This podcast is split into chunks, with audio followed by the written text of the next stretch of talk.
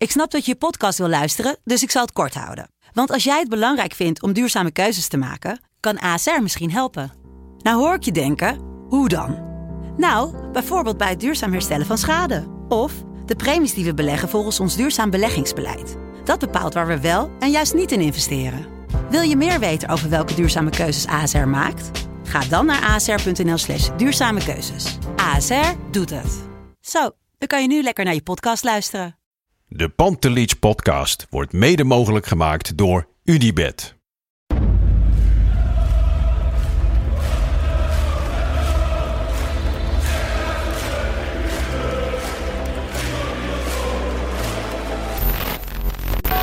For me, they can have just lot of goals, lot of fun, and some some other things.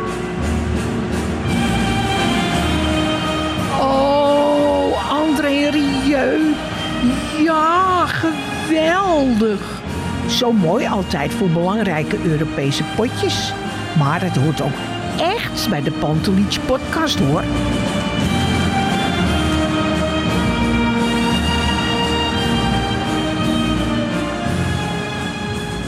Het is woensdag 6 december. Pakjesavond zit erop. Maar cadeautjes pakt Ajax dit jaar sowieso niet al te veel uit. Dat doen wij bij de Pantelich podcast wel. Want elke week hebben we een nieuwe reguliere aflevering. eh, ja, voor de luisteraar slash kijker. We maken die natuurlijk zelf ook gewoon met veel plezier. Deze week niet in de vaste samenstelling. Hè, dat bedoel ik altijd. Deze week weer in de vaste samenstelling. Maar deze week eh, Bart Sanders, jij bent er gewoon. As usual. Alleen eh, Kevin hebben we vervangen voor Thijs. Goedenavond. Ja, leuk om hier weer een keertje te zijn. Ja, nou ja, eh, Kevin moest werken. Die werkt nogal op onregelmatige tijdstippen. Niks geks aan de hand dus. Maar hij kon er gewoon een weekje niet bij zijn. Nou goed, dat is dan maar zo. En dan gaan we het eh, met z'n drietjes even doen. Hoe is het met jou Thijs? Ja, ja gaat goed. Eh, ja, kan je anders zeggen. Leuk om weer een keer in de reguliere te zijn. Kan je toch iets Ja. meer de diepte in over Ajax dan, eh, dan alleen de wedstrijden. Dus eh, ja, ik heb er zin in. Ja, en met jou Bart? Ja, gewoon alles, eh, alles bonnen. Dus eh, weer gewonnen. Drie puntjes in de, in de tas. Hartstikke mooi. Is het dan nog zo dat je met eh, gebalde vuisten door die supermarkten loopt bij jou? Gezien je in die achtertuin van Nee, NEC hoor. woont? Nee, nee, nee. Zeker niet. Maar ik heb wel eh, app- app-contact met, mijn, eh, met mijn vrienden. Dus eh, Ja. die daar op de tribune zitten.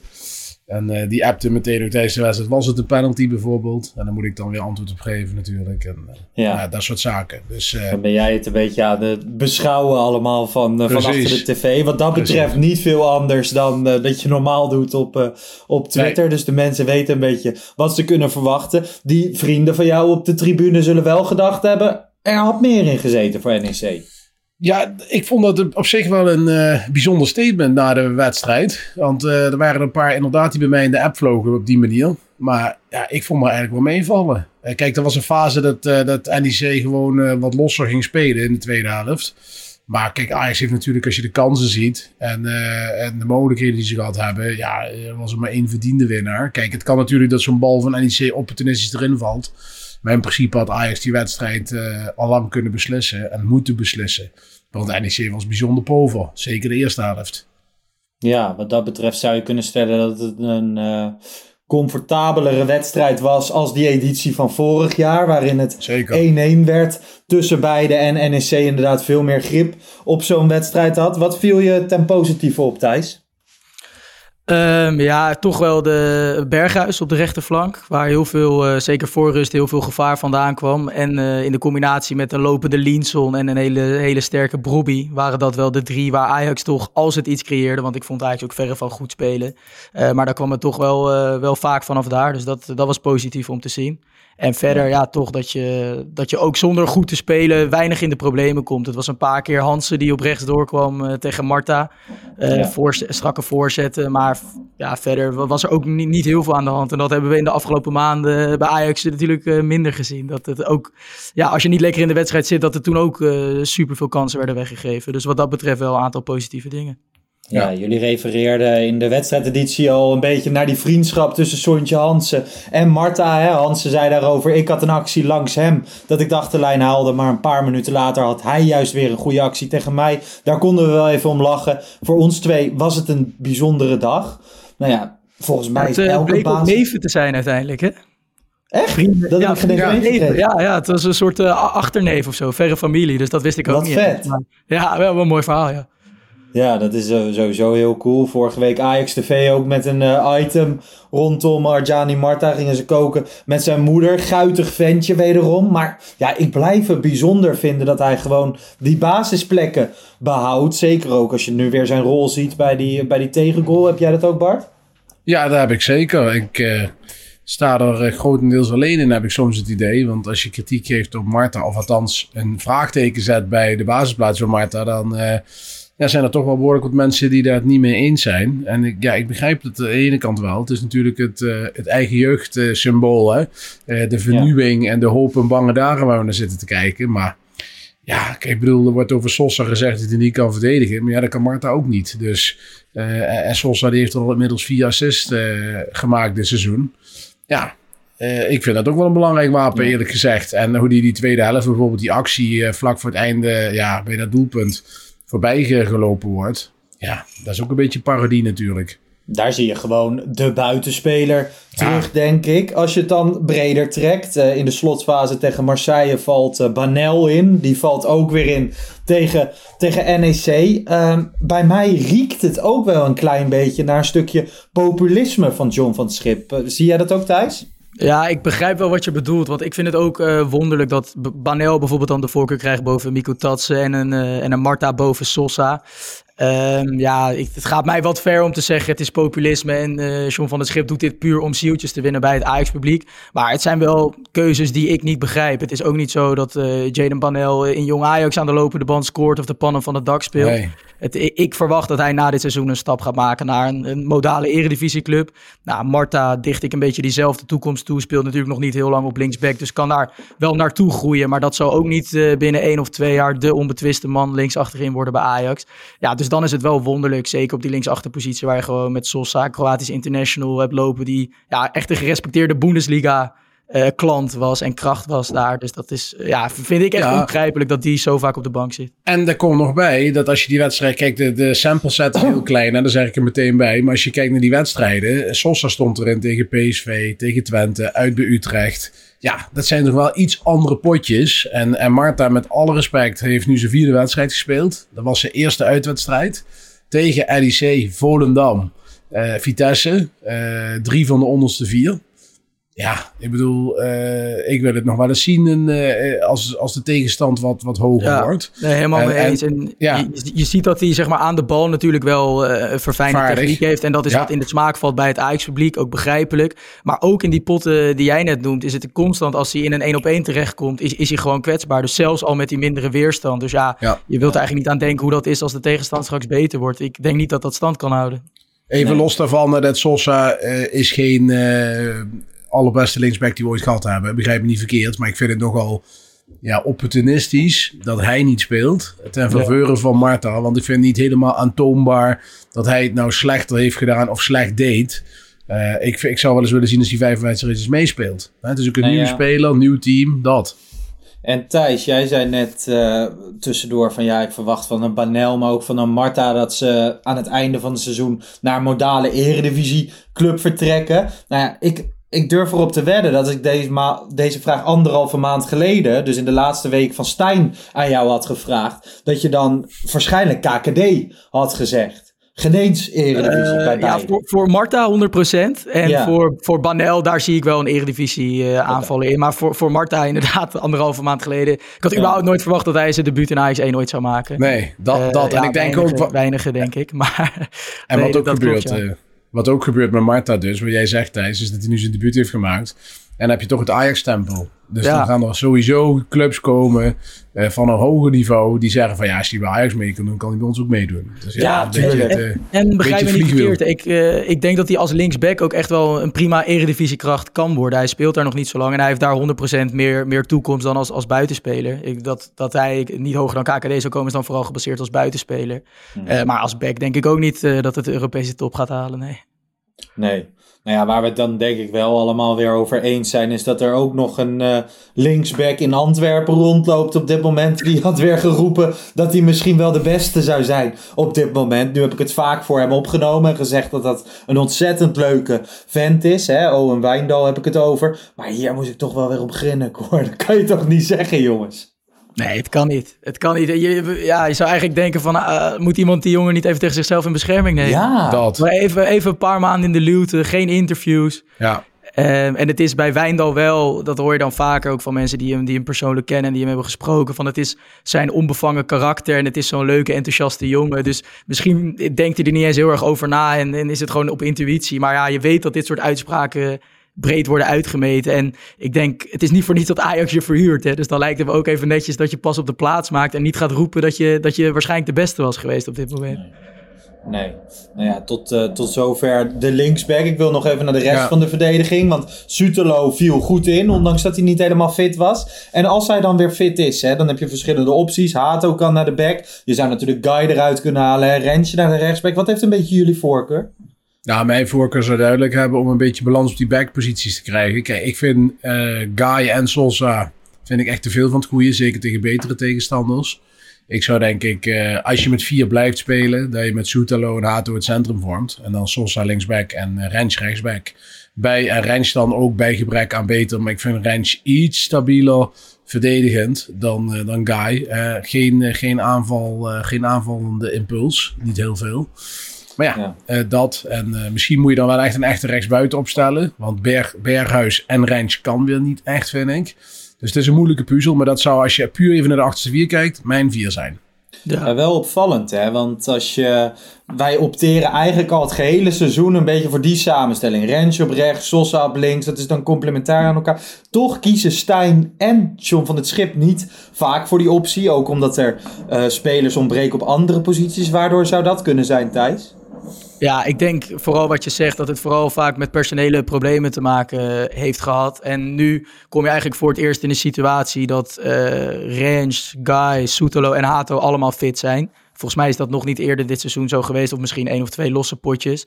Uh, dus nu wil ik dat wel eens uh, gewoon gaan zien. En ja. daarbij wel ook natuurlijk de kanttekening dat Range het centraal uh, eigenlijk uitstekend heeft ingevuld. Dus ik hoop inderdaad dat je echt dan naar zo'n opbouwstructuur toe gaat. Dat je Sosa lekker hoog op die linkerflank kan positioneren. En Range als, als ware als een soort derde centrumverdediger uh, erbij zet. En dat hij vanaf daar ook meer in de as kan spelen. En bijvoorbeeld die dribbles kan maken. Maar ook met zijn passing ja. uh, belangrijk kan zijn. Want dat is wel iets wat hij de afgelopen weken natuurlijk uitstekend heeft gedaan als centrumverdediger. Ja, en dat ja. is ook denk ik wel wat je misschien tot kwalijk kan nemen. Als je kijkt naar de balans in de selectie. Dan vind ik dat wij een prima team hebben voor 3-5-2. En als je de samenstelling van die hele selectie bij elkaar pakt, past het niet bij een 4-2-3-1 of een 4-1-2-3. En het is meer, hè, Guy, Sosa zijn toch echt meer backs voor, voor een 3-5-2 misschien. Uh, het zou, Ajax zou het kunnen spelen, alleen ja, dat is niet waar je als Ajax-supporter wil zien. Dat is niet de samenstelling waar je uh, warm van wordt. Maar ik denk wel dat dit beter bij de selectie past. Die Plus uh, over die balans, ook qua leeftijden natuurlijk, is het compleet scheef. Ja. Afgelopen weekend Berghuis ja. en Bergwijn de enige boven de 22 die, die erin ja. staan. Ja, en dan wordt er elke week weer naar die jongens gekeken. En wij zijn er ook terecht kritisch op. Maar ja, het is toch ook wel kleine nuance te plaatsen als dat de enige gasten met een beetje fatsoenlijke ervaring zijn op profniveau natuurlijk. Ja, en dan is het ook wel een beetje pech natuurlijk dat onze vriend uh, Van de Boom uh, geblesseerd raakt. Uh, Sutalo is al wat iets ouder gemiddeld. Die kon niet meedoen. Dus het is, ja, als iedereen fit is, ligt het gemiddeld wat hoger. Maar ja, inderdaad. Uh, Michelin dat zei volgens mij al, ik heb twee of drie transferperiodes nodig. Ja, dat blijkt ook wel waarom. Er is nog ja. wel wat werk in de winkel tegelijkertijd dat je dan ook dat gefaseerd kunnen gaan doen en niet alleen maar hele jonge jongens in je eerste transferperiode halen, toch? Ja, maar dat heeft denk ik ook met geld te maken en met, met de wil om te komen en dat soort dingen. Kijk, het maar heeft wel 120 miljoen uitgegeven. Toch? Zeker. Maar, dus hij kan heeft je ook, dan ook... Ja. maar hij heeft ook 14 spelers gehaald. Dus, ja, ja, dat is waar. Uh, gemiddeld er gezien. heel veel nuance in. Maar... Ik bedoel, kijk, het jaar daarvoor hebben we ook uh, 120 miljoen uitgegeven. Waarvan de helft aan, uh, nou ja, de helft, ruim de helft aan, uh, aan Bessie, Brobby en Bergwijn. Ja. ja, ik bedoel, het is ook niet geweldig gebleken. Nee, je kan uh, spreken van twee totaal mislukte transferzomers. Um, eigenlijk het beste product op dit moment komt uit eigen jeugd. Je hebt hem weliswaar teruggekocht voor 20, uh, 20 miljoen van uh, ja. Leipzig. Brobby hebben we het dan over. Al het hele seizoen ligt hij een beetje onder een vergrootglas. De laatste tijd weer positiever. Want twee klasse goals tegen Marseille. Uh, goede rol tegen NEC bij die 1-0 van, van Linson. Gaat niet liggen binnen de 16, maar zet door. Uh, ja, heel erg positief zijn wij toch? Ja, 100%. 100%. Het is ook leuk hoe die tendens weer snel kan veranderen. Eigenlijk alleen maar door die goals tegen Marseille. Want wat hij uh, verder laat zien als aaspeelpunt, dat is iets wat hij al weken laat zien. Alleen toen miste hij er nog wel eens grote kansen bij. Maar ja, op het moment dat hij, nou, zoals tegen Marseille, echt twee klasse goals. Ook gewoon koelbloedig uh, voor het doel. Uh, nou, tegen NEC goed overzicht ja. behouden bij die assist. Ja, hij is, maakt op dit moment voorin ook het verschil voor Ajax. Dus ja ja, dit is eindelijk de potentie die er natuurlijk altijd al in heeft gezeten. Komt er, komt er weer uit de laatste week. En dan is het wel mooi om die tendens ook weer te, te zien veranderen, vind ik. Ook de, ja. ook de kritiek uh, meester gemaakt. Hè? Dus heel belangrijk. Uh, een keer een speler die na een mindere periode en wat kritiek uh, toch opgebloeid is. En dat begon eigenlijk al vorig jaar, tweede helft. met de energie. Want dat was zijn eerste kritiekpunt altijd. Dat hij weinig energie in de wedstrijd legde. Nou, dat deed hij al toen, sinds vorig jaar al heel goed ja, toen kwam hij als aanspeelpunt uh, dit seizoen denk ik heel goed tot, uh, tot uit zijn verf. En, en nu tot zijn verf. En ja, nu gaat hij scoren.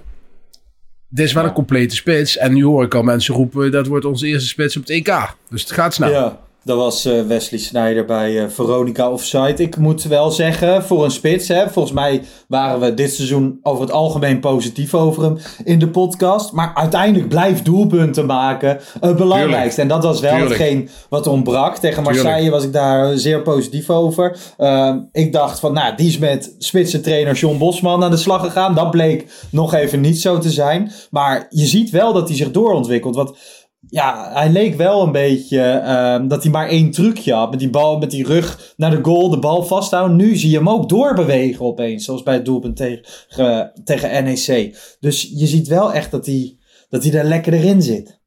Klopt, ja. ja. En ook geholpen nogmaals door ook meer dynamiek om hem heen. Hè. Met een lopende Linson, ja. zijn belang moeten we echt niet, uh, echt niet onderschatten. Want ja, je kunt Bobby wel uh, inspelen en hij kan die bal wel bij zich houden. Maar in die eerste maanden van het seizoen was er niemand die vervolgens over hem heen klapt of, of zich eronder aanbiedt. Ja, en dan staat hij ook voorin op een eiland natuurlijk.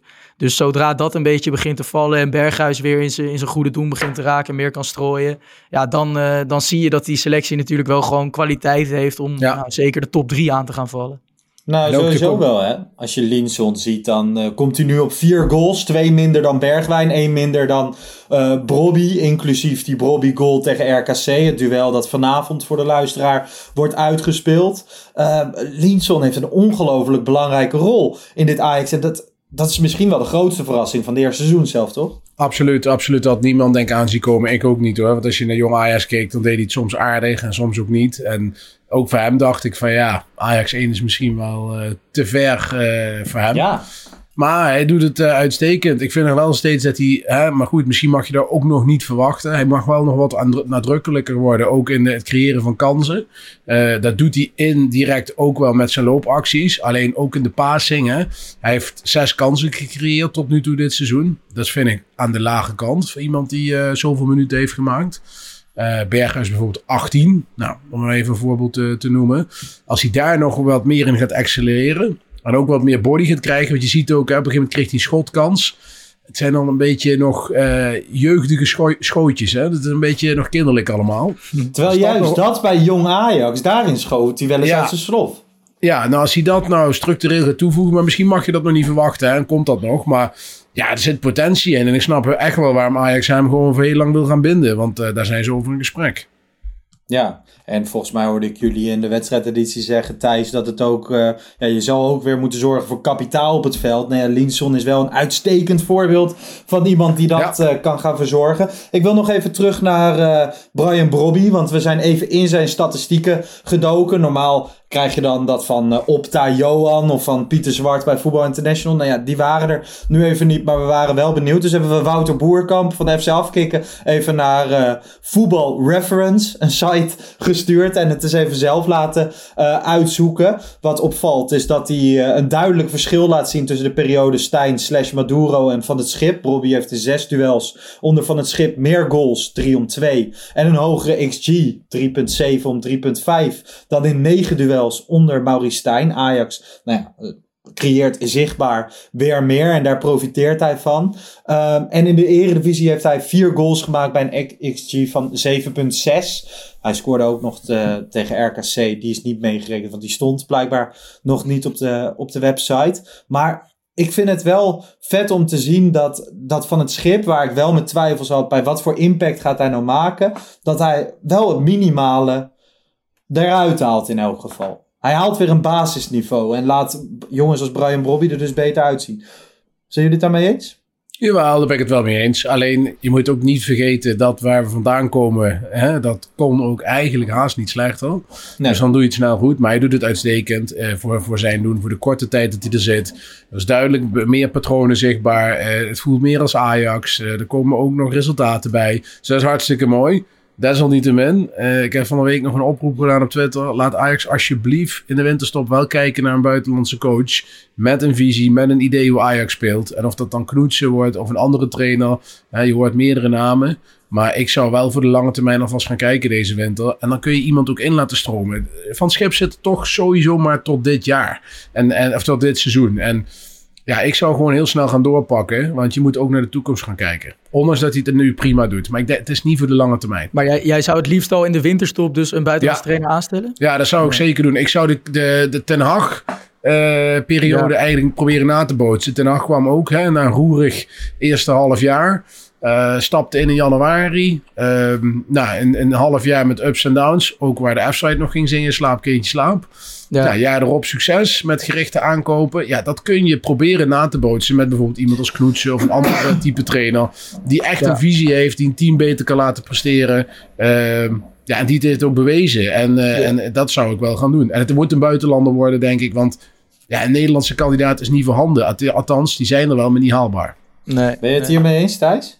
Ja, 100%. En in het verlengde daarvan, daar hebben we voor de wedstrijdeditie natuurlijk, of in de wedstrijdeditie ook al een voorzetje op gegeven. Zou ik dat ook op het veld al doen? Dus bijvoorbeeld lekker een Forbes op linksbuiten zijn vlieguren laten maken. Nou, inderdaad, vol inzetten op Linson. Ehm, ja, bijvoorbeeld uh, Hato en Rens, uh, als je daarop wil inzetten. Uh, met, met Soetelo in de verdediging. Maar gewoon naar vastigheden toewerken. waar je dan volgend seizoen de, de vruchten van gaat plukken. Want ja, dit seizoen, een titel is, is, is ver uit zicht. Daar hoeft niemand natuurlijk over te praten.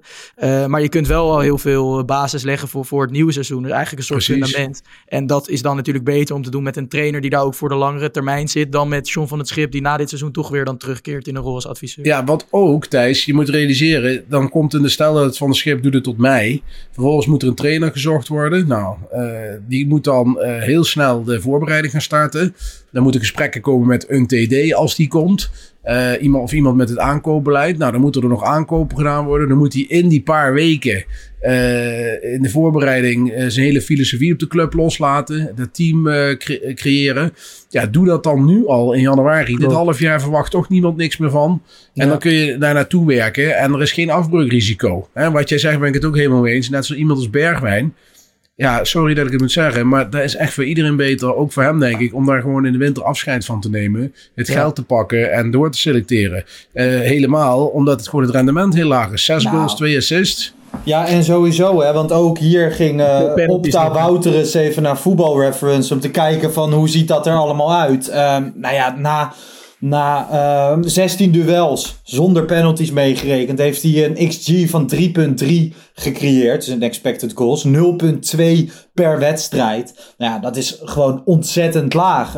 er zijn maar 58% van zijn dribbles die lukken. Ja, ja. Bergwijn en alles. Nou, hij is de meest ervaren speler. Hij zegt ik moet mijn benen laten spreken of mijn voeten laten spreken met mijn aanvoerdersband. Want ik ben niet echt een prater, maar dat maakt niet uit. Ja, en dat doet hij gewoon niet.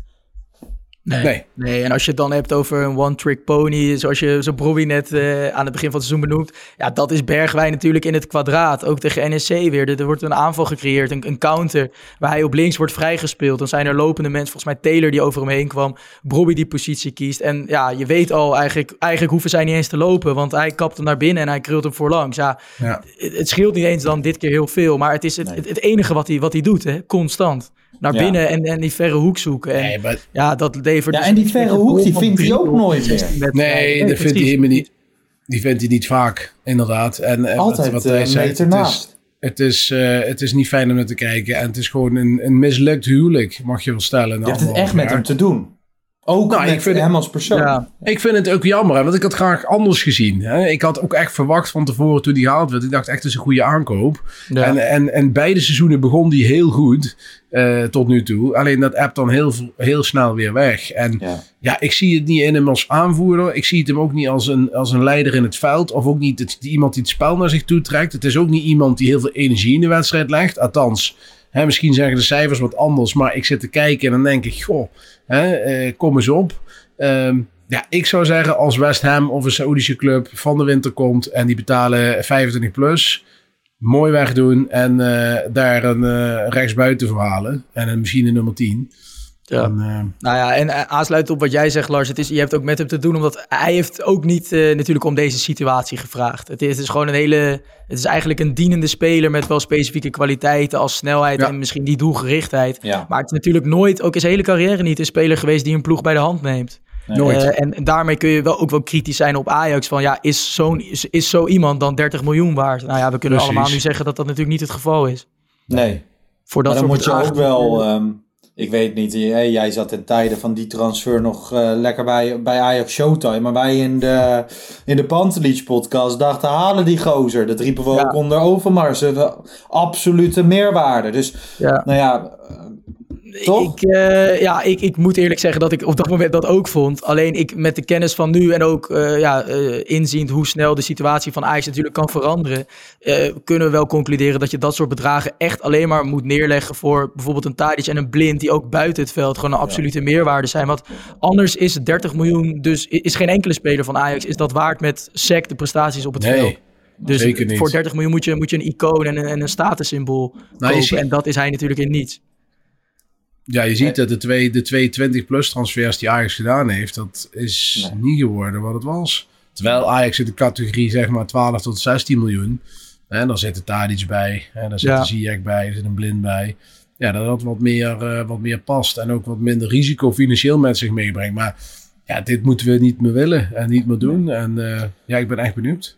hey, ehm, wij gaan even door. Maar voordat, of niet voordat, ik eh, heb gezegd dat we beide uitgewerkte Excel-sheets van Opta Wouter wel even in de beschrijving zetten. Want volgens mij is hij er de hele middag mee bezig geweest.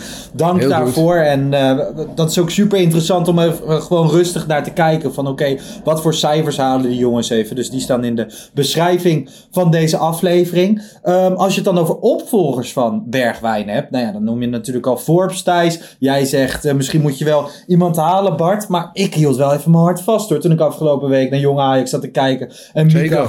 Naar de grond ging. Ja. Dat zag Ja. er heel vervelend uit.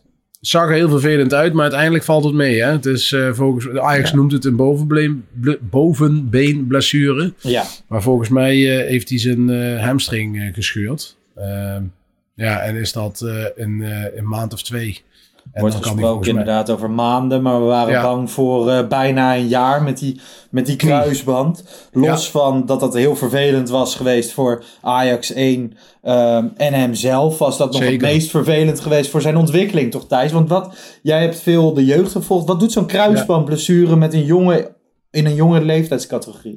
Eh, ja, twee, tweeledig eigenlijk. Wat je ook regelmatig hebt gezien, bijvoorbeeld bij iemand als Joel Veldman, eh, die ook in de A1 volgens mij of de twee keer aan toe zijn kruisband afscheurde. En die ging eigenlijk van een hele ja, lichte, lichte, beetje softe verdediger, kwam hij wel fysiek sterker terug. Dus dat is, dat is natuurlijk de andere kant. Ja, we kennen ook het horrorscenario bij Ricardo Kishna, die ja, natuurlijk eh, een grootse carrière tegemoet ging. Dat is een van de meest talentvolle, bui- of van de meest talentvolle buitenspelers die ik in de afgelopen jaren in de Ajax-jeugd heb gezien. En die carrière is natuurlijk helemaal als een nachtkaars uitgegaan door knieklachten. Ehm, ja, is het wel zo dat zeker in de huidige tijd je gewoon heel goed kunt revali- revalideren van kruisbandblessures. Eigenlijk topsporters, wa- waarvoor normale mensen staat er negen maanden tot twaalf maanden voor. Topsporters kunnen tegenwoordig al bijna in zes. Ehm, en eh, waar je vroeger dan ook misschien eh, een half jaar er echt uit lag, zijn er nu ook allemaal trainingsprogramma's waardoor je alles rondom die knie wel kunt trainen zonder die knie te belasten. Bijvoorbeeld in zwembaden of met speciale fysiotherapie. Dus ja, er is eh, tegenwoordig van alles op te doen. Dus het kan, het kan je mentaal sterker maken, je kunt er fysiek sterker uitkomen. Maar het kost doorgaans natuurlijk vervolgens ook wel weer een tijdje om dat gevoel aan de bal terug te krijgen. En ook vertrouwen in je eigen lichaam weer natuurlijk. Wat zeker Ja. Mika Gods, die ja, toch een uh, explosieve buitenspeler is en uh, op hoge intensiteit constant zijn acties moet maken. Ja, dat, dat duurt vaak wel eventjes om, om terug, te, terug te vinden natuurlijk. Zeker. Nou ja, de komende tijd zijn uh, Forbes en Van Dongen dus de enige, van Axel Dongen dus de enige opties achter, ehm, achter Bergwijn. Ehm, Ajax zal de markt wel op een gegeven moment opgaan, toch? Ook op die positie. Als, ja, dat denk ik wel. er niet uitkomt. Ik denk ik ook. En laten wij uh, naar ons favoriete onderdeel van de podcast gaan. De Ajax alfabetautomaat. Zullen we maar eens even kijken wat er vandaag uit die Ajax alfabetautomaat komt. Hier hebben we de letter T. Ja, deze week de letter V. Enkele namen zijn natuurlijk Rafael en Damian van der Vaart, Silvano Vos, Vermalen, Veldman, Vanenburg, maar ook Marciano en Sky Fink, Frank Verlaat uit de oude tijd, Vierklauw, nou ja, Jonas Veldman uh, en onze gewone echte Veldman. Wie uh, heb jij deze week gekozen, Bart? Ja, Jan Vertongen. Uh, dat was voor mij ja, de meest opvallende naam. En Van der Vaart natuurlijk. Maar Jan Vertongen ja, is toch wel een, een favorietje. Uh, ik zie hem nog op... Als ik aan Jan Vertongen denk, denk ik aan het moment dat hij op zijn knieën gaat zitten en uh, ja, eigenlijk begint te huilen. bij de derde ster. Dat is mijn moment. En Jan Vertongen is een, is een, is een ja, een beetje een rustige Belg, typische Belg die naar Ajax kwam en die echt een Amsterdammer is geworden. Ook nog volgens mij hier een woning heeft, vaak terugkomt uh, in Amsterdam. Dus ja, dat is wel, uh, wel een, een favorietje voor altijd. Ja, we hebben er vaker aan gerefereerd in de podcast volgens mij. Maar een week voor die kampioenswedstrijd tegen, tegen FC Twente zat hij uh, bij de Wereld Draait Door. En was er ook, uh, hè, werd er ook gesproken over die reportage waarin hij een broodje, volgens mij filet Amerikaan of zo, ging halen bij, bij de Albert Heijn. En dat thuis ging oppeuzelen. En die, die reportage aan zich doet, doet zoveel um, moois aan de, aan de persoon Jan Vertongen. Dat is ook echt waarom ik van hem ben gaan houden. En het gekke is ook, het is een hele rustige Belg. Het is helemaal niet per se een, een man met brani en arrogantie. En past niet per se bij Ajax, maar toch bij andere clubs, bij concurrenten konden ze hem echt wel uitkotsen zo nu en dan. Nou, en die brani en arrogantie heeft hij later toch ook wel een beetje gekregen in interviews. En, en ook hoe hij gewoon met zijn hele ja, non-verbale houding, ook hoe hij op het veld staat. En met zoveel rust aan de bal, zoveel volgens mij is dat het meeste. Hij Ja, was ja. zo, of uh, aan de bal was hij gewoon, of op het veld was hij echt een Ajaxiet. Ja. Ja, ja. Ah, later ook wel in, in wat interviews natuurlijk. Heeft hij zich ook niet heel populair gemaakt Nee, richting andere clubs, denk ik. Ja, mooi. En hij heeft nog wel eens een liedje gezongen. Hè, na, Ja, ja, precies. Ja, ook dat nog.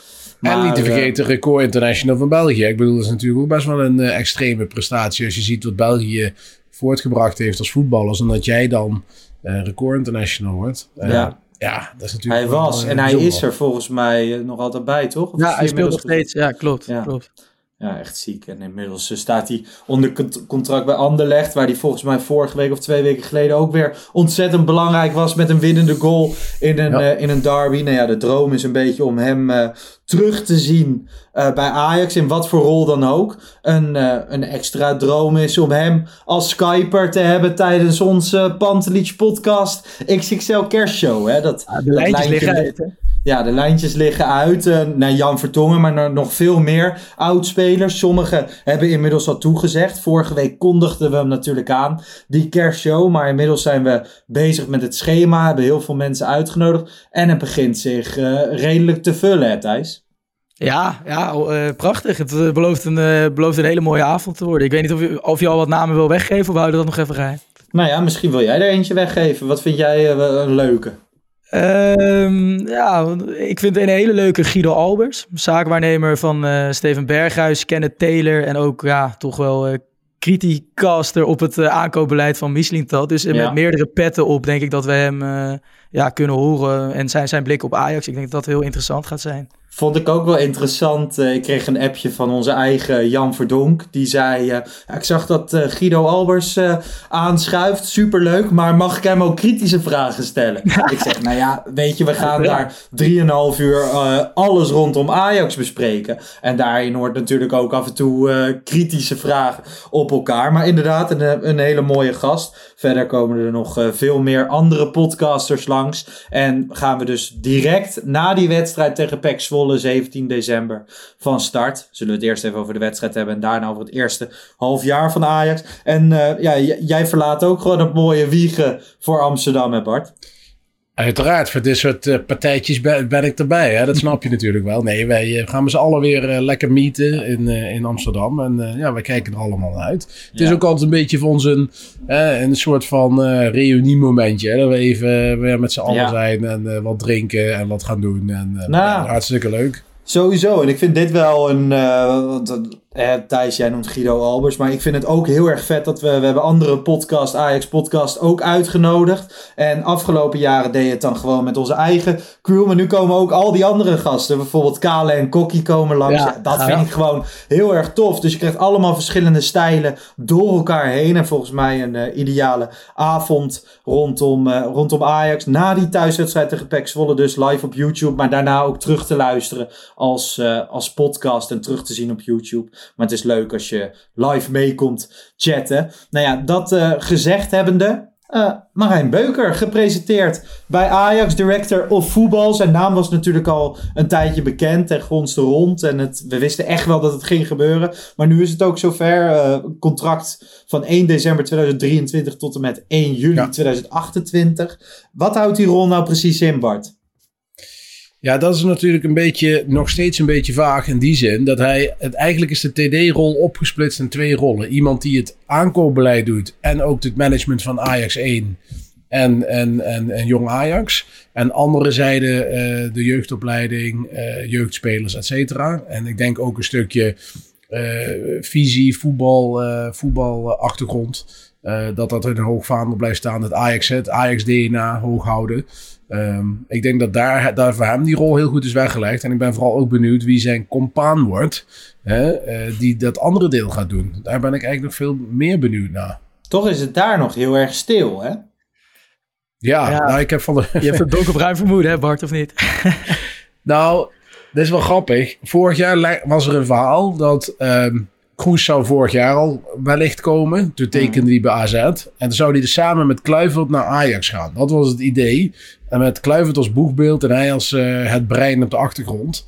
Nou, uh, de persbericht van Ajax over Beuken kwam uit. Nou, dat stukje over die tweede man die ze zoeken. Ja. Twee dagen later neemt Kluivert ontslag. Dat artikel in het achterhoofd houdende van een jaar geleden. Wie weet uh, dat Patrick Kluivert wel die rol gaat vervullen. Volgens mij heeft hij die ook bij Paris Saint-Germain vervuld. Ja, ja. ja ik, ik, ik ben er niet zo'n zo'n fan van, heel eerlijk gezegd. Maar ja, ik zie het zo gebeuren ook omdat Van Gaal natuurlijk uh, hè, allemaal poppetjes neer aan zetten is. Waar hij een goede band en uh, een verleden mee heeft. Blind, Beuker. Uh, ja, Kluivert zou prima in dat rijtje passen. Dus vanuit dat oogpunt zou ik het, zie ik het zo gebeuren. Ja. ja. Ik, aan de andere kant, ja, Kluivert, ik vind het ook niet de grootste voetbalvisionair. Maar als je dan gaat kijken, hij heeft het, ooit talentvol trainer bij, bij Jong FC Twente natuurlijk. Vervolgens is die trainerscarrière een beetje, volgens mij ook door een paar verhuizingen en zijn gezinssituatie met uh, jonge Shane Kluivert. Uh, een beetje, beetje, ja, even een paar rare afslagen genomen. Maar toch met zijn spelerscarrière en ervaring bij Paris en Barça, ook als hoofdjeugdopleiding. Ja, in die organisatie met een Alex Kroes die als voormalig zaakwaarnemer ook veel, veel verstand heeft van de handel. Uh, dan kan Patrick Kluivert toch inderdaad wel dat icoon zijn dat deuren gaat openen bij clubs. En misschien ook voor sommige spelers nog best wel aansprekend is. Ja, ik vind het altijd een beetje lastig bij, bij dat soort gasten. Want ik, uh, ik schaar ook bijvoorbeeld Clarence Seedorf daaronder. Die, die beginnen al zo moeizaam. Omdat ze zo'n grootse carrière hebben gehad. Ja. Uh, moeten ze heel hoog instappen in, in de wereld daarna. Bijvoorbeeld een Pierlo heeft dat ook. En die kunnen het dan bijna niet goed doen.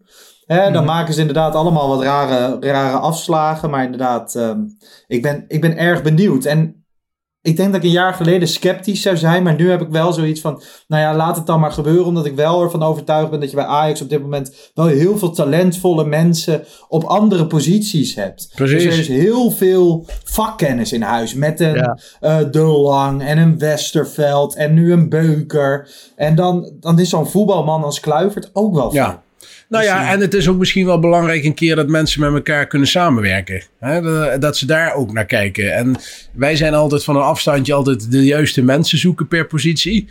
Eh, maar als je naar het geheel kijkt, is het ook wel belangrijk dat al die mensen met elkaar goed kunnen samenwerken en elkaar begrijpen. Dus in dat opzicht is misschien ook goed ja, dat er wat atypische mensen bij elkaar gezet worden. Kijk, bij Bergkamp en Jonk, fantastisch, ging het fout. Uh, Mies niet Stijn, ging het fout. Dus ja, het is wel heel belangrijk dat er een bepaalde chemie is. En ja, dan is misschien nu een voetballer kiezen. Want ja, wat je zegt, Lars, ben ik het helemaal mee eens. Westerveld, Beuker en De Lang zijn eigenlijk atypische, atypisch Ajax-DNA keuzes. Uh, hè, terwijl ze wel, denk ik, hun uh, voor Ajax enorm veel waarde gaan, uh, en daar gaan hebben. En dat, van. ze wel, ja. en dat ze ja. wel typische dingen gaan doen die wij graag zien. Hè, begrijp Ja. me niet verkeerd, dus daar geloof ik wel in. Maar als er nou ook nog een dergelijk type komt als voetbalman. Ik weet niet of dat dan weer te veel van het goede is. Dus ik, ik zie het zo voor me dat ze daarom dan gaan kiezen voor een boegbeeld. Ja. Kluivert, Zeedorf, oh, Ja. geen Ja. Snijder, maar zoiets. Vind ik Ja, heel ik, ik, man. ik, ik word best wel enthousiast daarvan hoor. En het is inderdaad belangrijk dat Kluivert niet zou zijn binnengehaald onder Edwin van der Sar als degene die het hele selectiebeleid even op de schop zou moeten nemen. Dan zou ik er ook Ja. niet heel gelukkig van worden. Maar in deze organisatie die gewoon best wel hoopgevende vormen aan het aannemen is, denk ik dat dit een prima aanstelling zou kunnen zijn.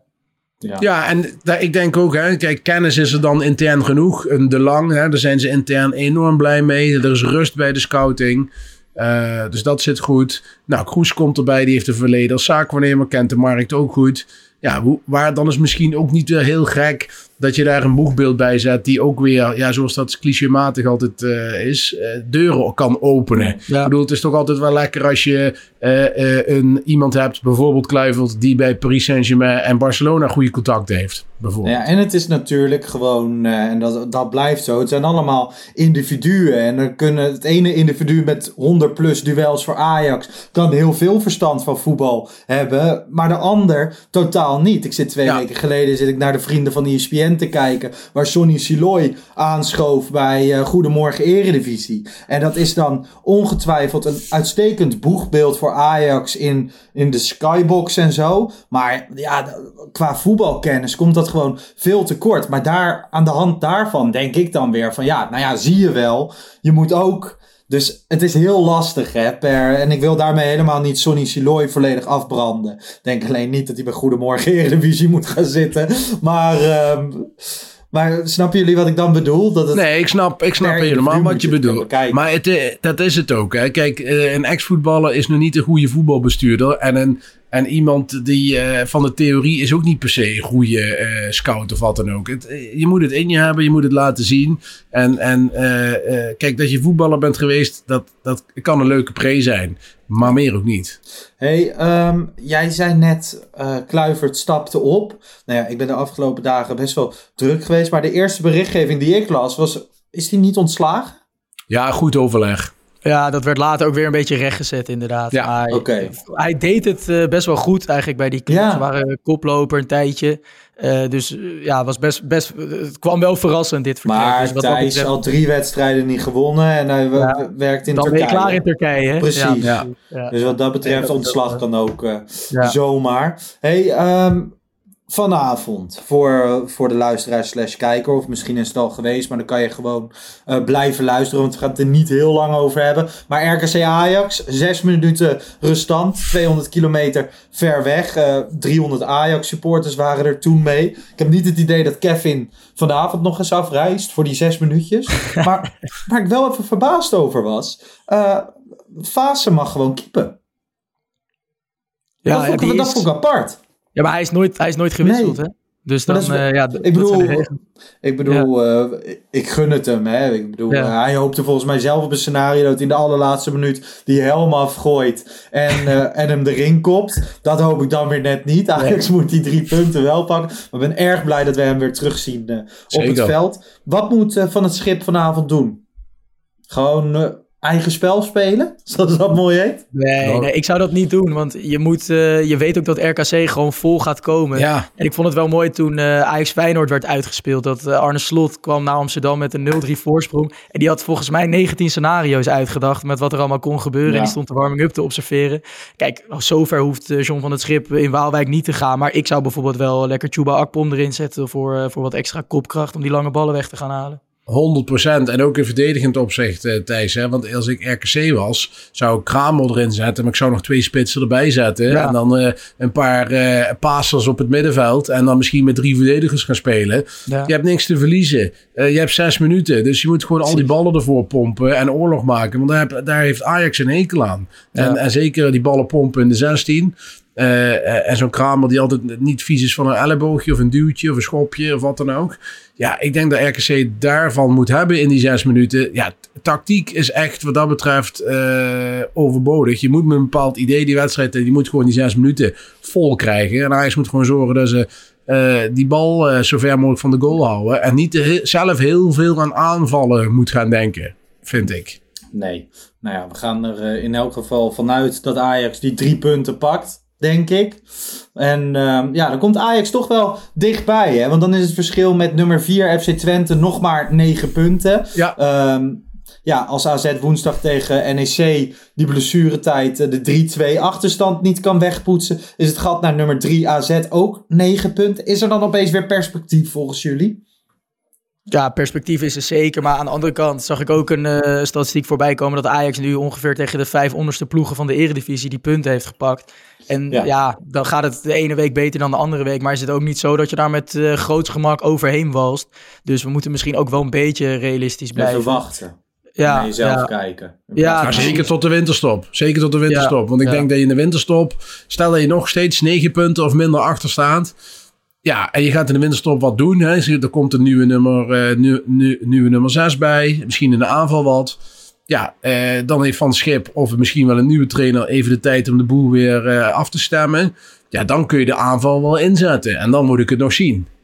Maar met, met de huidige stand van zaken helemaal eens. Wees blij dat we even tot de winterstop doorkomen. Want we hebben inderdaad tegen de lam en de blinden gespeeld. Met alle respect. Ja, wat dat betreft komt er komende week een uh, directe concurrent naar de arena. Zaterdagavond staat Ajax tegen Sparta Rotterdam op het programma om uh, kwart voor zeven die wedstrijd. Ja. Uh, ja, Maurice Stijn spook nog één keer in de arena. Kan je het wel zeggen, want dat is nog steeds wel echt zijn team. En Laurits, die lange spits voorin, die, die de ballen continu verlengt. Nou ja, onze podcast-collega komt naar de arena, Bart Vriends.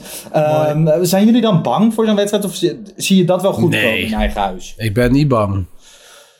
Nee, nee. ook niet. Maar ik vind het wel, het is wel weer eventjes een test van een ander niveau, de, of van een ander kaliber dan wat Ajax de laatste weken heeft gehad. En, Sparta en het zit is in tussen die Europese duels, dus niveau ja. Marseille-Brighton.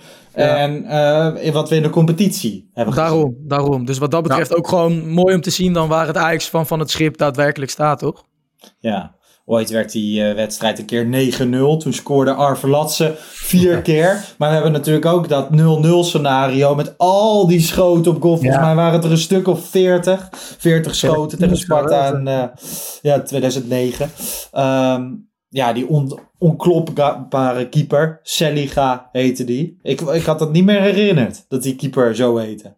Nee, Terwijl op het algemeen onthoud je dat soort mensen wel. Maar goed, um, ja, erg benieuwd naar dat duel. Uh, sluiten we af met onze tip aan van het schip.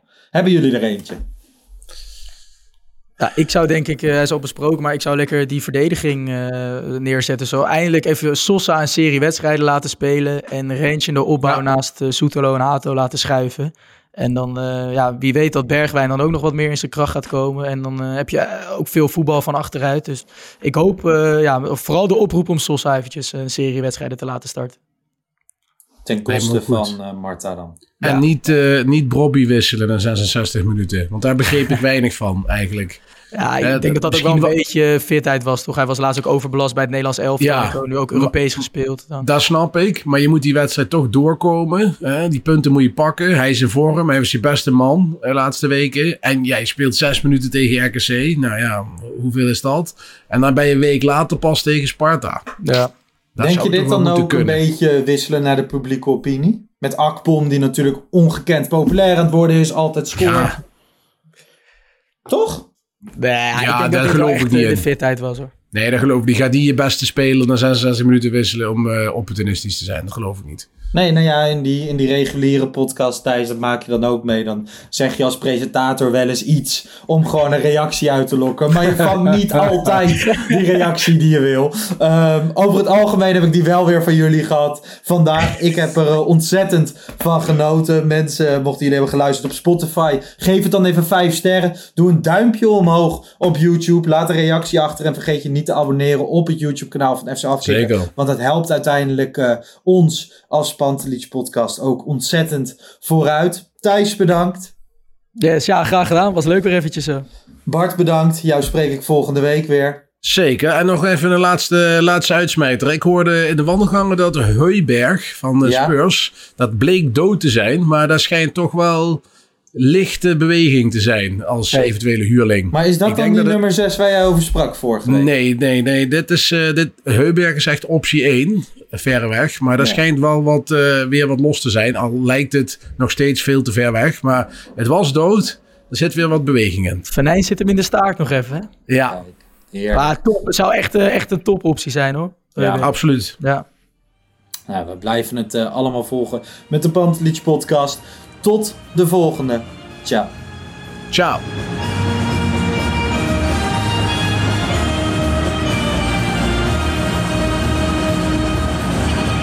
Let's go Ajax.